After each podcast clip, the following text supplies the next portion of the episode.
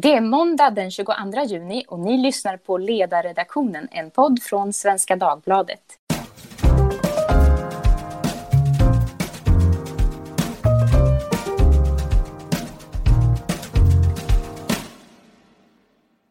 Jag heter Maria Ludvigsson och idag ska vi tala om den famösa intervjun som den tyska tv-kanalen Deutsche Welle gjorde med utrikesminister Ann Lind i torsdags. Men först ett gott sommartips. Just nu kan du få SvD Digital i två månader utan kostnad. Då går du in på svd.se kampanj. Nå, under helgen har många röster höjts som hårt kritiserat Linde för både innehåll och form i den här intervjun. Dessutom har många kritiserat både SVT och Sveriges Radio, vår public service, för att man inte med ett ord kommenterat eller gett nyhetsplats åt detta än. Men det finns många andra kritiker, bland annat Socialdemokraternas tidigare biträdande partisekreterare hade twittrade under tiden som intervjun pågick faktiskt aldrig sett något liknande... Punkt, punkt, punkt. För att diskutera både sakinnehåll, form och framförande samt den uteblivna nyhetsrapporteringen har jag med mig inga mindre än Karin Svanborg Sjövall, avgående chef från Timbro samt kolumnist i Dagens Nyheter. Och Anders Lindberg, koncernkollega får jag säga och chef för Aftonbladets ledarredaktion. Och sist men inte minst Erik Kiga, SvD-kolumnist och konsult med förflutet som presschef för en annan utrikesminister, Carl Bildt. Ni är välkomna alla tre. Tack så mycket. Tackar, tackar. Tack. Ja, det är faktiskt sällan så vi ägnar en hel podd åt enstaka intervjuer. Men torsdagens intervju med utrikesministern var av sån karaktär att den måste avhandlas i poddform. Och gärna då med tre personer med huvudet på spik och huvudet på skaft, kanske huvudet på spiken också, huvudet på skaft och Eh, med insikt i utrikespolitiska frågor. Eh, dels för att eh, det är en väsentlig del av hur Sverige officiellt uppträder och representeras internationellt. Dels för att den rent innehållsligt lämnade rimliga frågeställningar obesvarade och sannolikt också ledde till fler frågor än svar. Dessutom har stark kritik mot själva formen riktats mot Ann Linde och hennes stab. Den ses av så gott som alla som yttrat sig om den helt enkelt som en dålig intervju i såväl innehåll som form. Så låt oss börja med formen. Det var under ledning av Sarah Kelly, en toppjournalist, som eh, intervjun gjordes. Bakgrunden är förstås Sveriges strategi i coronafrågan som har ifrågasatts internationellt även i andra media. Eh, vi har högre dödstal än våra grannländer och vi är dessutom ett av fyra EU-länder som sagt nej till EUs stödpaket. Och med detta som bakgrund då så kan man ju föreställa sig att man har, vidtar grundliga förberedelser när en sån här intervju ska komma till. Då måste jag fråga dig, Erik Kiga, som har arbetat med just sådana här frågor och sådana här uppgifter på Utrikesdepartementet förut. Vad säger du om Lindes framträdande rent formmässigt? Ja, men jag tror nog att eh, alla de år som jag jobbat med, med att kommunicera och hjälpa Eh, företag och även då UD att kommunicera har lärt mig att man ska vara rätt försiktig med att recensera intervjuer. Det, det kan finnas anledningar till att utrikesministern eh, säger saker och agerar som man gör eh, som inte vi känner till, avvägningar som måste göra. Eh, men, men det man väl kan eh, konstatera är att en utrikesminister är, gör intervjuer i två, kan göra i främst två roller. Eh, dels är man en företrädare för regeringen, eh, alltså en partipolitisk aktör, och dels så är man en företrädare för Sverige. Och det är ju inte alltid som, som de här intressena exakt sammanfaller. Eh, och då, då tycker jag nog att i, i de lägena så ska man i alla fall prioritera eh, företrädandet av Sverige, tycker jag. Och det menar du att hon inte gjorde, eller? Eh, ja, men det, det, det, var en ganska kritisk Sverigebild som även utrikesministern förde fram, eh, tycker jag, stundtals. Där, där man fick intryck av att, att äh, läget var Eh, väldigt illa och vi hade rätt, var rätt dåligt organiserade, som hon själv lyfte fram. Det kanske jag tyckte var lite oväntat.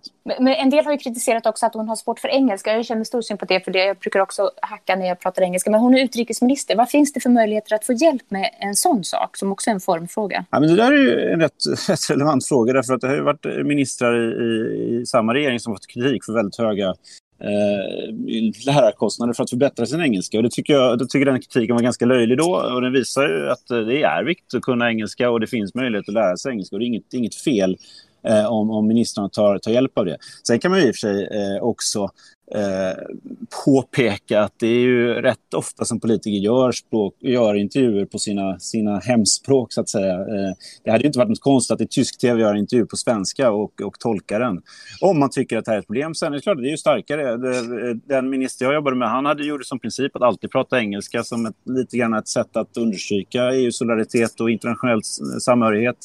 Eh, men som sagt, har man inte förutsättningar för det så är det inget, inget att skämmas över att man inte pratar perfekt engelska. Um, jag tycker inte engelskan var sådär... Alltså, det, det var väl ingen katastrof för engelska heller. Eh, uh, det kan ju alltid vara bättre, men ja.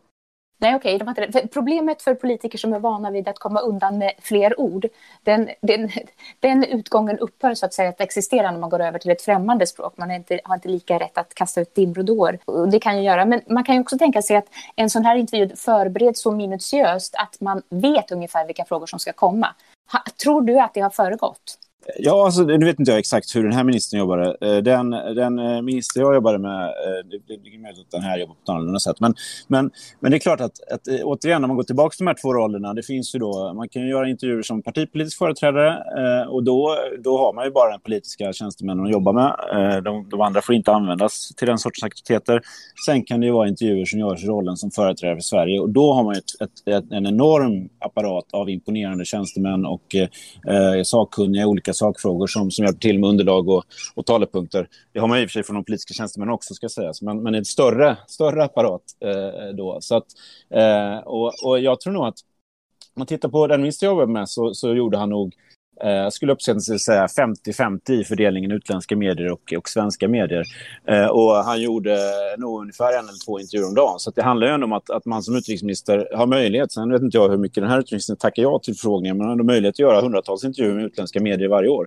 Eh, och eh, och det, det, är klart att, eh, att i det här läget när, när, när Sverige är en, en väldigt intressant aktör så har ju säkert eh, eh, eh UD fått förfrågningar från rätt många håll, säkert de stora mediehusen.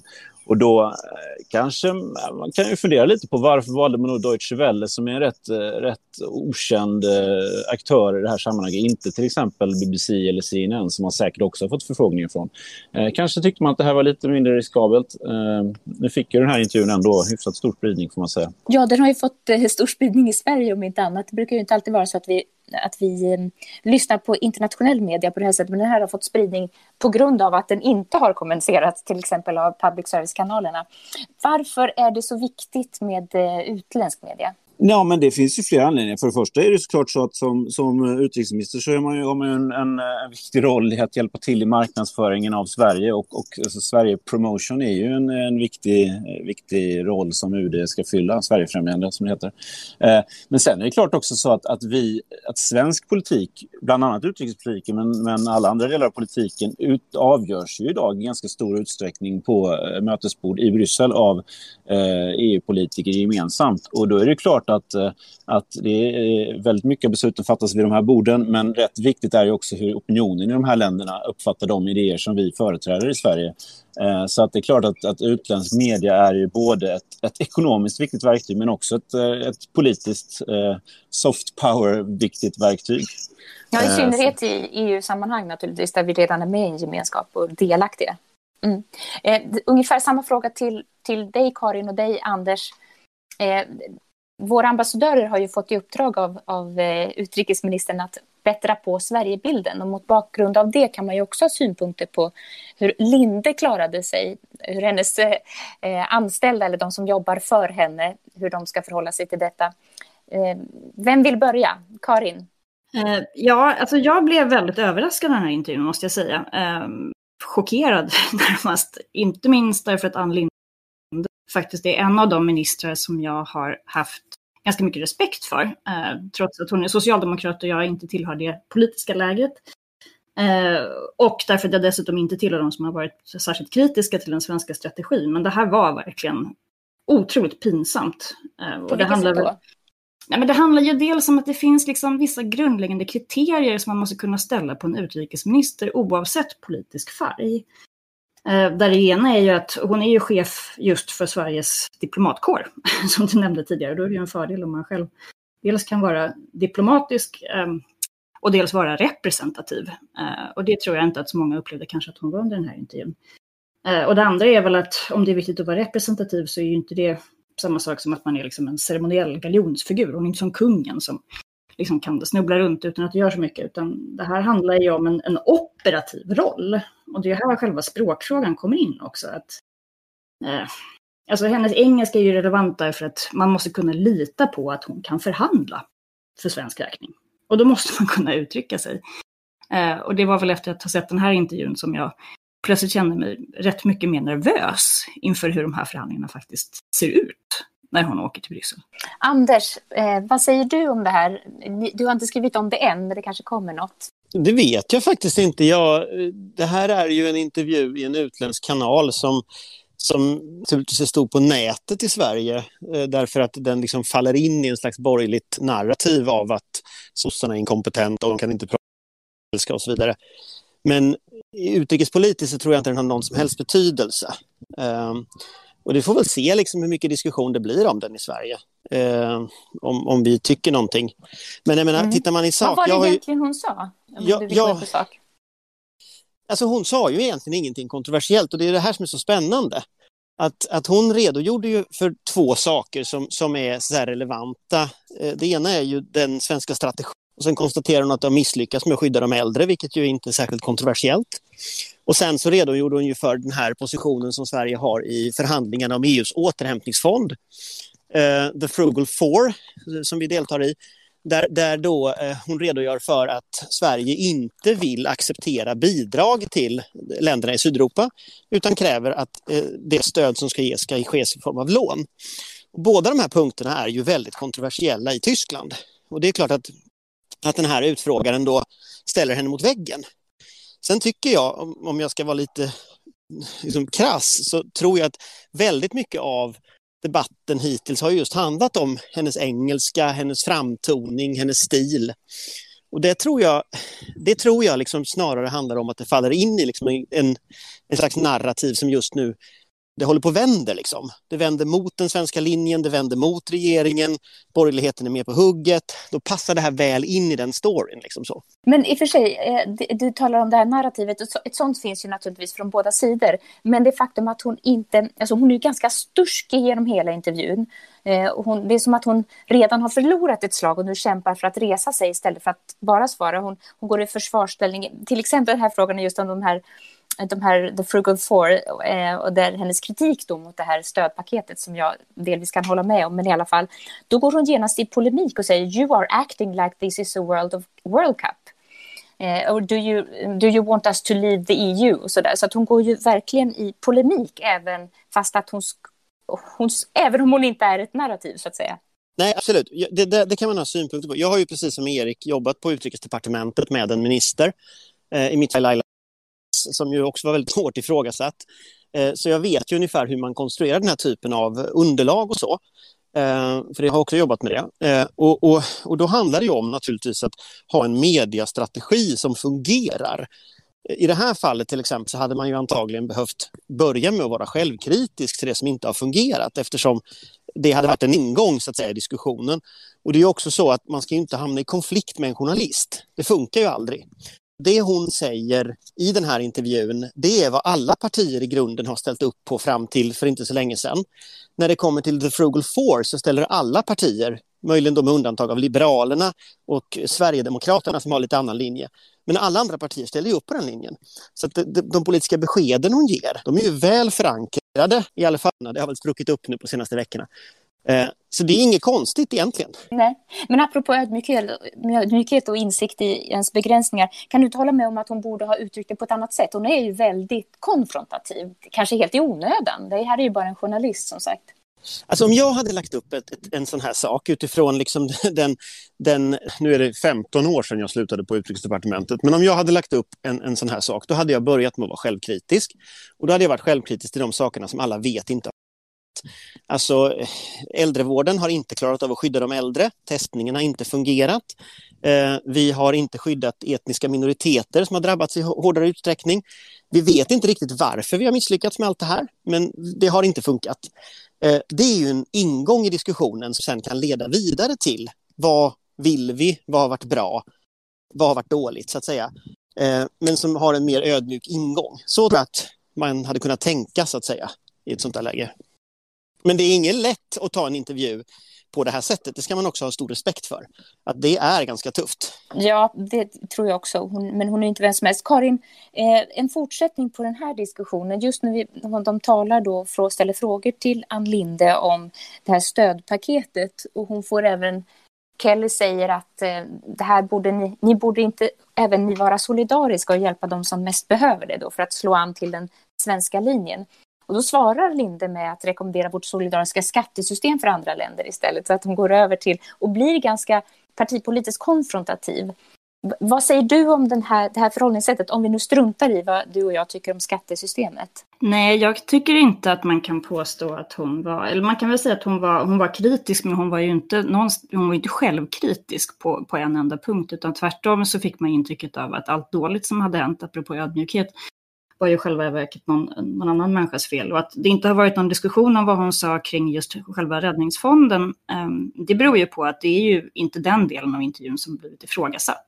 Utan de delarna av intervjun som har blivit hårt ifrågasatta har ju dels ja, handlat om hennes sätt, men det har faktiskt också handlat om själva innehållet. Eh, och där skulle jag nog inte alls vilja hålla med Anders om att, om att det är okontroversiellt det hon påstår. Hon så, “We started a massive testing two weeks ago”, vilket ju alla vet inte var sant. Uh, hon pratade om “legally binding measures to wash your hands”. Um, vilket också var ganska oklart vad hon syftade på i det läget. Men sen så var det ju framförallt där kring äldreomsorgen att hon var väldigt eh, förtjust i att prata om att det här handlar om att vi har så rasande mycket privat utförd äldreomsorg, vilket ju är ny. Om man jämför med Tyskland eller Schweiz eller Ehm, ett antal andra länder som har betydligt lägre dödlighet, som har en oerhört mycket högre procent. Finland exempelvis hade ju 0,5 procent dödlighet i corona på sina äldreboenden samtidigt som epidemin rasade som allra värst här. Ehm, så att det var ju där det blev väldigt tveksamt att hon ändå inte kunde hålla sig från att göra det här till en partipolitisk sak. Trots att hon ju i det här fallet axlar en roll som officiell företrädare för Sverige. Och det är det jag tycker är märkligt. Alltså hon, hon sitter där som utrikesminister och kan ta sig rätten att tala som en sådan. Men istället så faller hon in i den inhemska politiska debatten. Varför gör hon det? Fast, fast får, jag, får, jag, får jag komma med en invändning där? Det är inte bara en inhemsk politisk debatt att, att en socialdemokrat gör den tolkningen av att det här har hänt på det här sättet. Eh, det är också så att hon förmodligen tror att det beror på det och tycker så här. Och när hon då får frågor så är inte det som en slags politiskt neutral aktör utan det är utifrån hennes position och utsiktspunkt eh, som hon får de frågorna. Så hon kan liksom inte förväntas svara något annat än det som är hennes tolkning eller regeringens tolkning. Och då är det helt, då är det, och då är det, då är det så att borgarna kan tycka vad man vill om det. Men ur ett socialdemokratiskt perspektiv så tittar man nu väldigt tydligt på till exempel en sån sak som, som New Public Management. Hur har det påverkat vilka marginaler man har i äldreomsorgen? Hur har det här med timvikarier till exempel påverkat? Eh, hur, hur har liksom den ganska långt drivna privatiseringen i Stockholm till skillnad från Malmö till exempel som, som har en offentlig äldreomsorg, hur har den påverkat? Det är ju en socialdemokratisk världsbild. Man kan tycka den är fel eller rätt. Men, men det är ju så man analyserar det som händer. Fast man måste väl ändå kunna förvänta sig att utrikesministern har faktiska belägg för sina påståenden. I synnerhet om man ska peka på brister i sitt eget samhällssystem. Och faktum är ju att vi, ett, som sagt har en lägre andel privatdriven äldreomsorg i jämförelse med andra länder. Att det två, inte finns några belägg för att dödligheten har varit högre på privata eh, äldreboenden. Det, det är inte ens sant att personalkontinuiteten är lägre. Fast jag tror du missuppfattar vad det är som det här handlar om. Alltså jag tror inte hon vill säga det. Jag ser att kritiken har riktats mot den punkten, men vad jag tror hon vill säga och vad jag tror liksom är poängen, om man nu ska försöka förstå vad, vad hon menar, då, då, handlar det om de här New Public Management-reformerna som har drivits igenom. Och till exempel en sån sak som hur man hanterar timanställda i Sverige där timanställda inte har eh, sjuklön och alltså inte kan stanna hemma när de är sjuka. Och sen har hela den svenska strategin byggt på att man uppmanar just de här människorna som har sämst arbetsvillkor, som inte kan stanna hemma när de är sjuka. Det är de som ska stanna hemma för att skydda de äldre. Och de har inte råd. Ja, jag tycker inte att man kan anlägga den den hållningen, och i synnerhet inte på en, på en minister. Alltså man måste utgå från vad som är sant och vad som är falskt. Och sen så, annars så hamnar vi i någon fullkomligt postmodern diskussion som blir väldigt problematisk. Eh, och kanske i synnerhet om man som utrikesminister har ett särskilt ansvar för att befrämja svensk export, att vi har ett större intresse än de flesta andra länder av att det finns en respekt och en förståelse för hur vi har agerat, att man ska kunna öppna gränserna igen, att vi ska kunna handla. Eh, då är det ju jättemärkligt om man dels talar ner sin egen samhällsmodell och dels dessutom börjar ägna sig åt någon typ av valretorik som ju faktiskt saknas faktisk täckning för. Det man kan tycka mm, mm. Det man kan tycka är märkligt då, Anders, oavsett eh, narrativ och politisk bakgrund och vad man vill spela upp, så om man tänker sig motsvarande situation att det var en borgerlig eh, utrikesminister som hade svarat på de här frågorna och sagt ja, vi har så hög dödlighet på äldreboenden för att vi nästan bara har kommunala äldreboenden, så hade ju det också varit någonting som inte passat riktigt i stunden. Alltså, inrikespolitik är väl någonting annat än utrikespolitik? Alltså, alltså jag tror ju att det här eh, inte handlar om det, utan det handlar om att tolkningen av vad hon säger är inrikespolitik. Orsaken till att de här nätdreven är igång och att jag gissar att alla borgerliga ledarsidor snart kommer att ha skrivit upprörda texter om detta, det handlar ju om att det här har sikte på vinst i, frågan om vinst i välfärden, det har sikte på nästa val och på det sättet så blir hennes intervju eh, partipolitik. Det är inte hon som partipolitiserar detta, utan det är naturligtvis de som så säga, ser det på det här sättet som partipolitiserar och som kommer att göra det nu kommande veckor. Jag såg att Ulf Kristersson skulle ta upp det med statsministern och det, det, liksom, det blir en, en, en stor cirkus runt det. Och, och, jag tror det beror på två grundläggande saker. Det ena är att det är sommar, så vi har inte så mycket annat att diskutera, så då måste vi prata om detta, för det var liksom det som finns till hands. Eh, det och Coronakommissionen.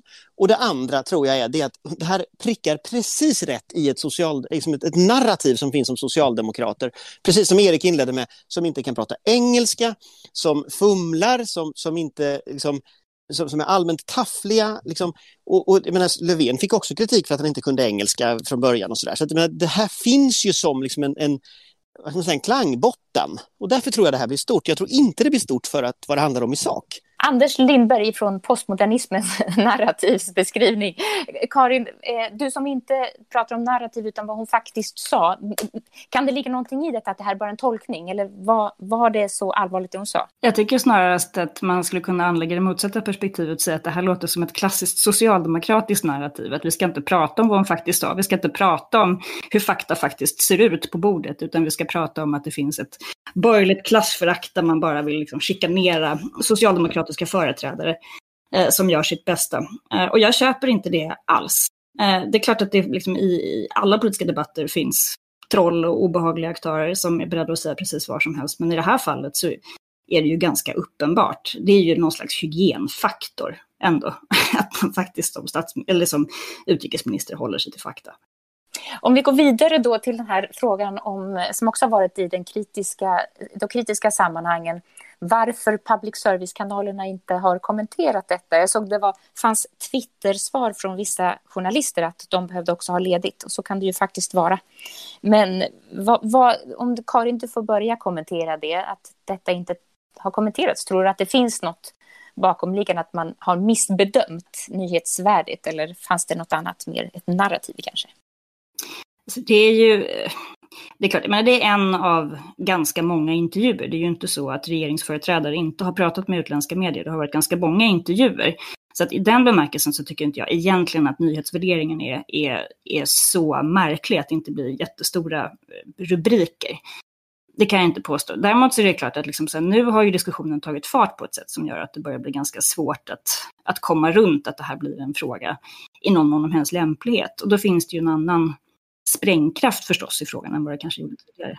Hur intressant tror du det är till exempel för eh, Sarah Kelly att höra om det svenska optimala skattesystemet? När hon vill prata om corona. Ja, det var väl, det var väl gissningsvis inte det hon var mest intresserad av att lära sig mer om. Det tror jag inte. Nej. Det ska ju sägas att vi, vi är generellt sett ganska ointresserade av vad som sägs i tysk media i Sverige. Det, det är väl en, en, note to ourselves att vi borde bli bättre på att följa tysk media. Det produceras väldigt mycket bra grejer där, tror jag. Ja, det är lite märkligt att det är först när någon, en svensk eh, minister inte kommer till sin rätt, ska vi väl säga, i ett inslag som det blir en nyhet i Sverige. Det kanske är tråkigt. Anders, vad säger du om detta att man inte har kommenterat det här i public service eller till de som efterfrågar det? Jag säger inte att det är så, men vad, ligger det något i den kritiken? Nej, ni kommer ju ha snart löst det så att de pratar om det i public service. Eh, så det kommer ni nog att ha löst. Eh, att, ja, men det är tack vare oss, inte tack vare... Ja, nej, men det är tack vare borgerlig opinionsbildning, därför att public service är så, så nära den borgerliga opinionsbildningen när det gäller den här typen av frågor. Så att, jag menar, jag är inte ett dugg...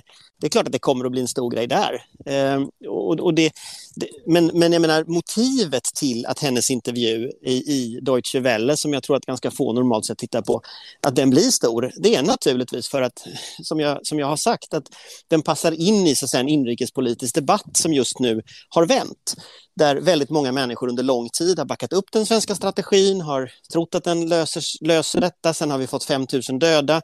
Nu börjar människor ifrågasätta och då kommer den här intervjun så man kan liksom hänga upp en massa andra saker på den.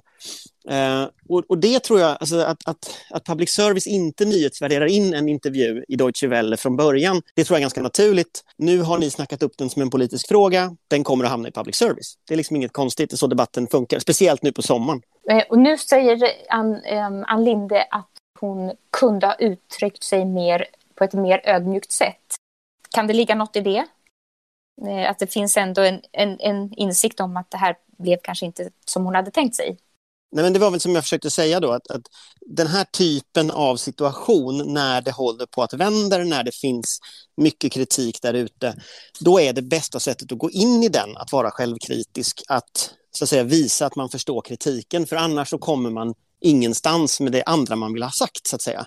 Och nu försöker hon väl ta ett omtag då och vara eh, självkritisk och så att säga förhoppningsvis kunna säga det hon vill säga istället. Anders, du som ändå står närmare parti, Socialdemokratiska partiet än vi andra. Eh, hur tror du att kritiken går internt? Alltså det var ju väldigt tyst ifrån övriga kollegor till henne efter det här inte helt lyckade inslaget. Då. Är det tufft att eh, ibland göra misstag? särskilt i den positionen? Alltså, socialdemokrater funkar ju på det sättet att så fort någon eh, gör bort sig så springer alla andra därifrån. För väldigt många så har det blivit lättare att inte göra någonting alls än att riskera att göra fel.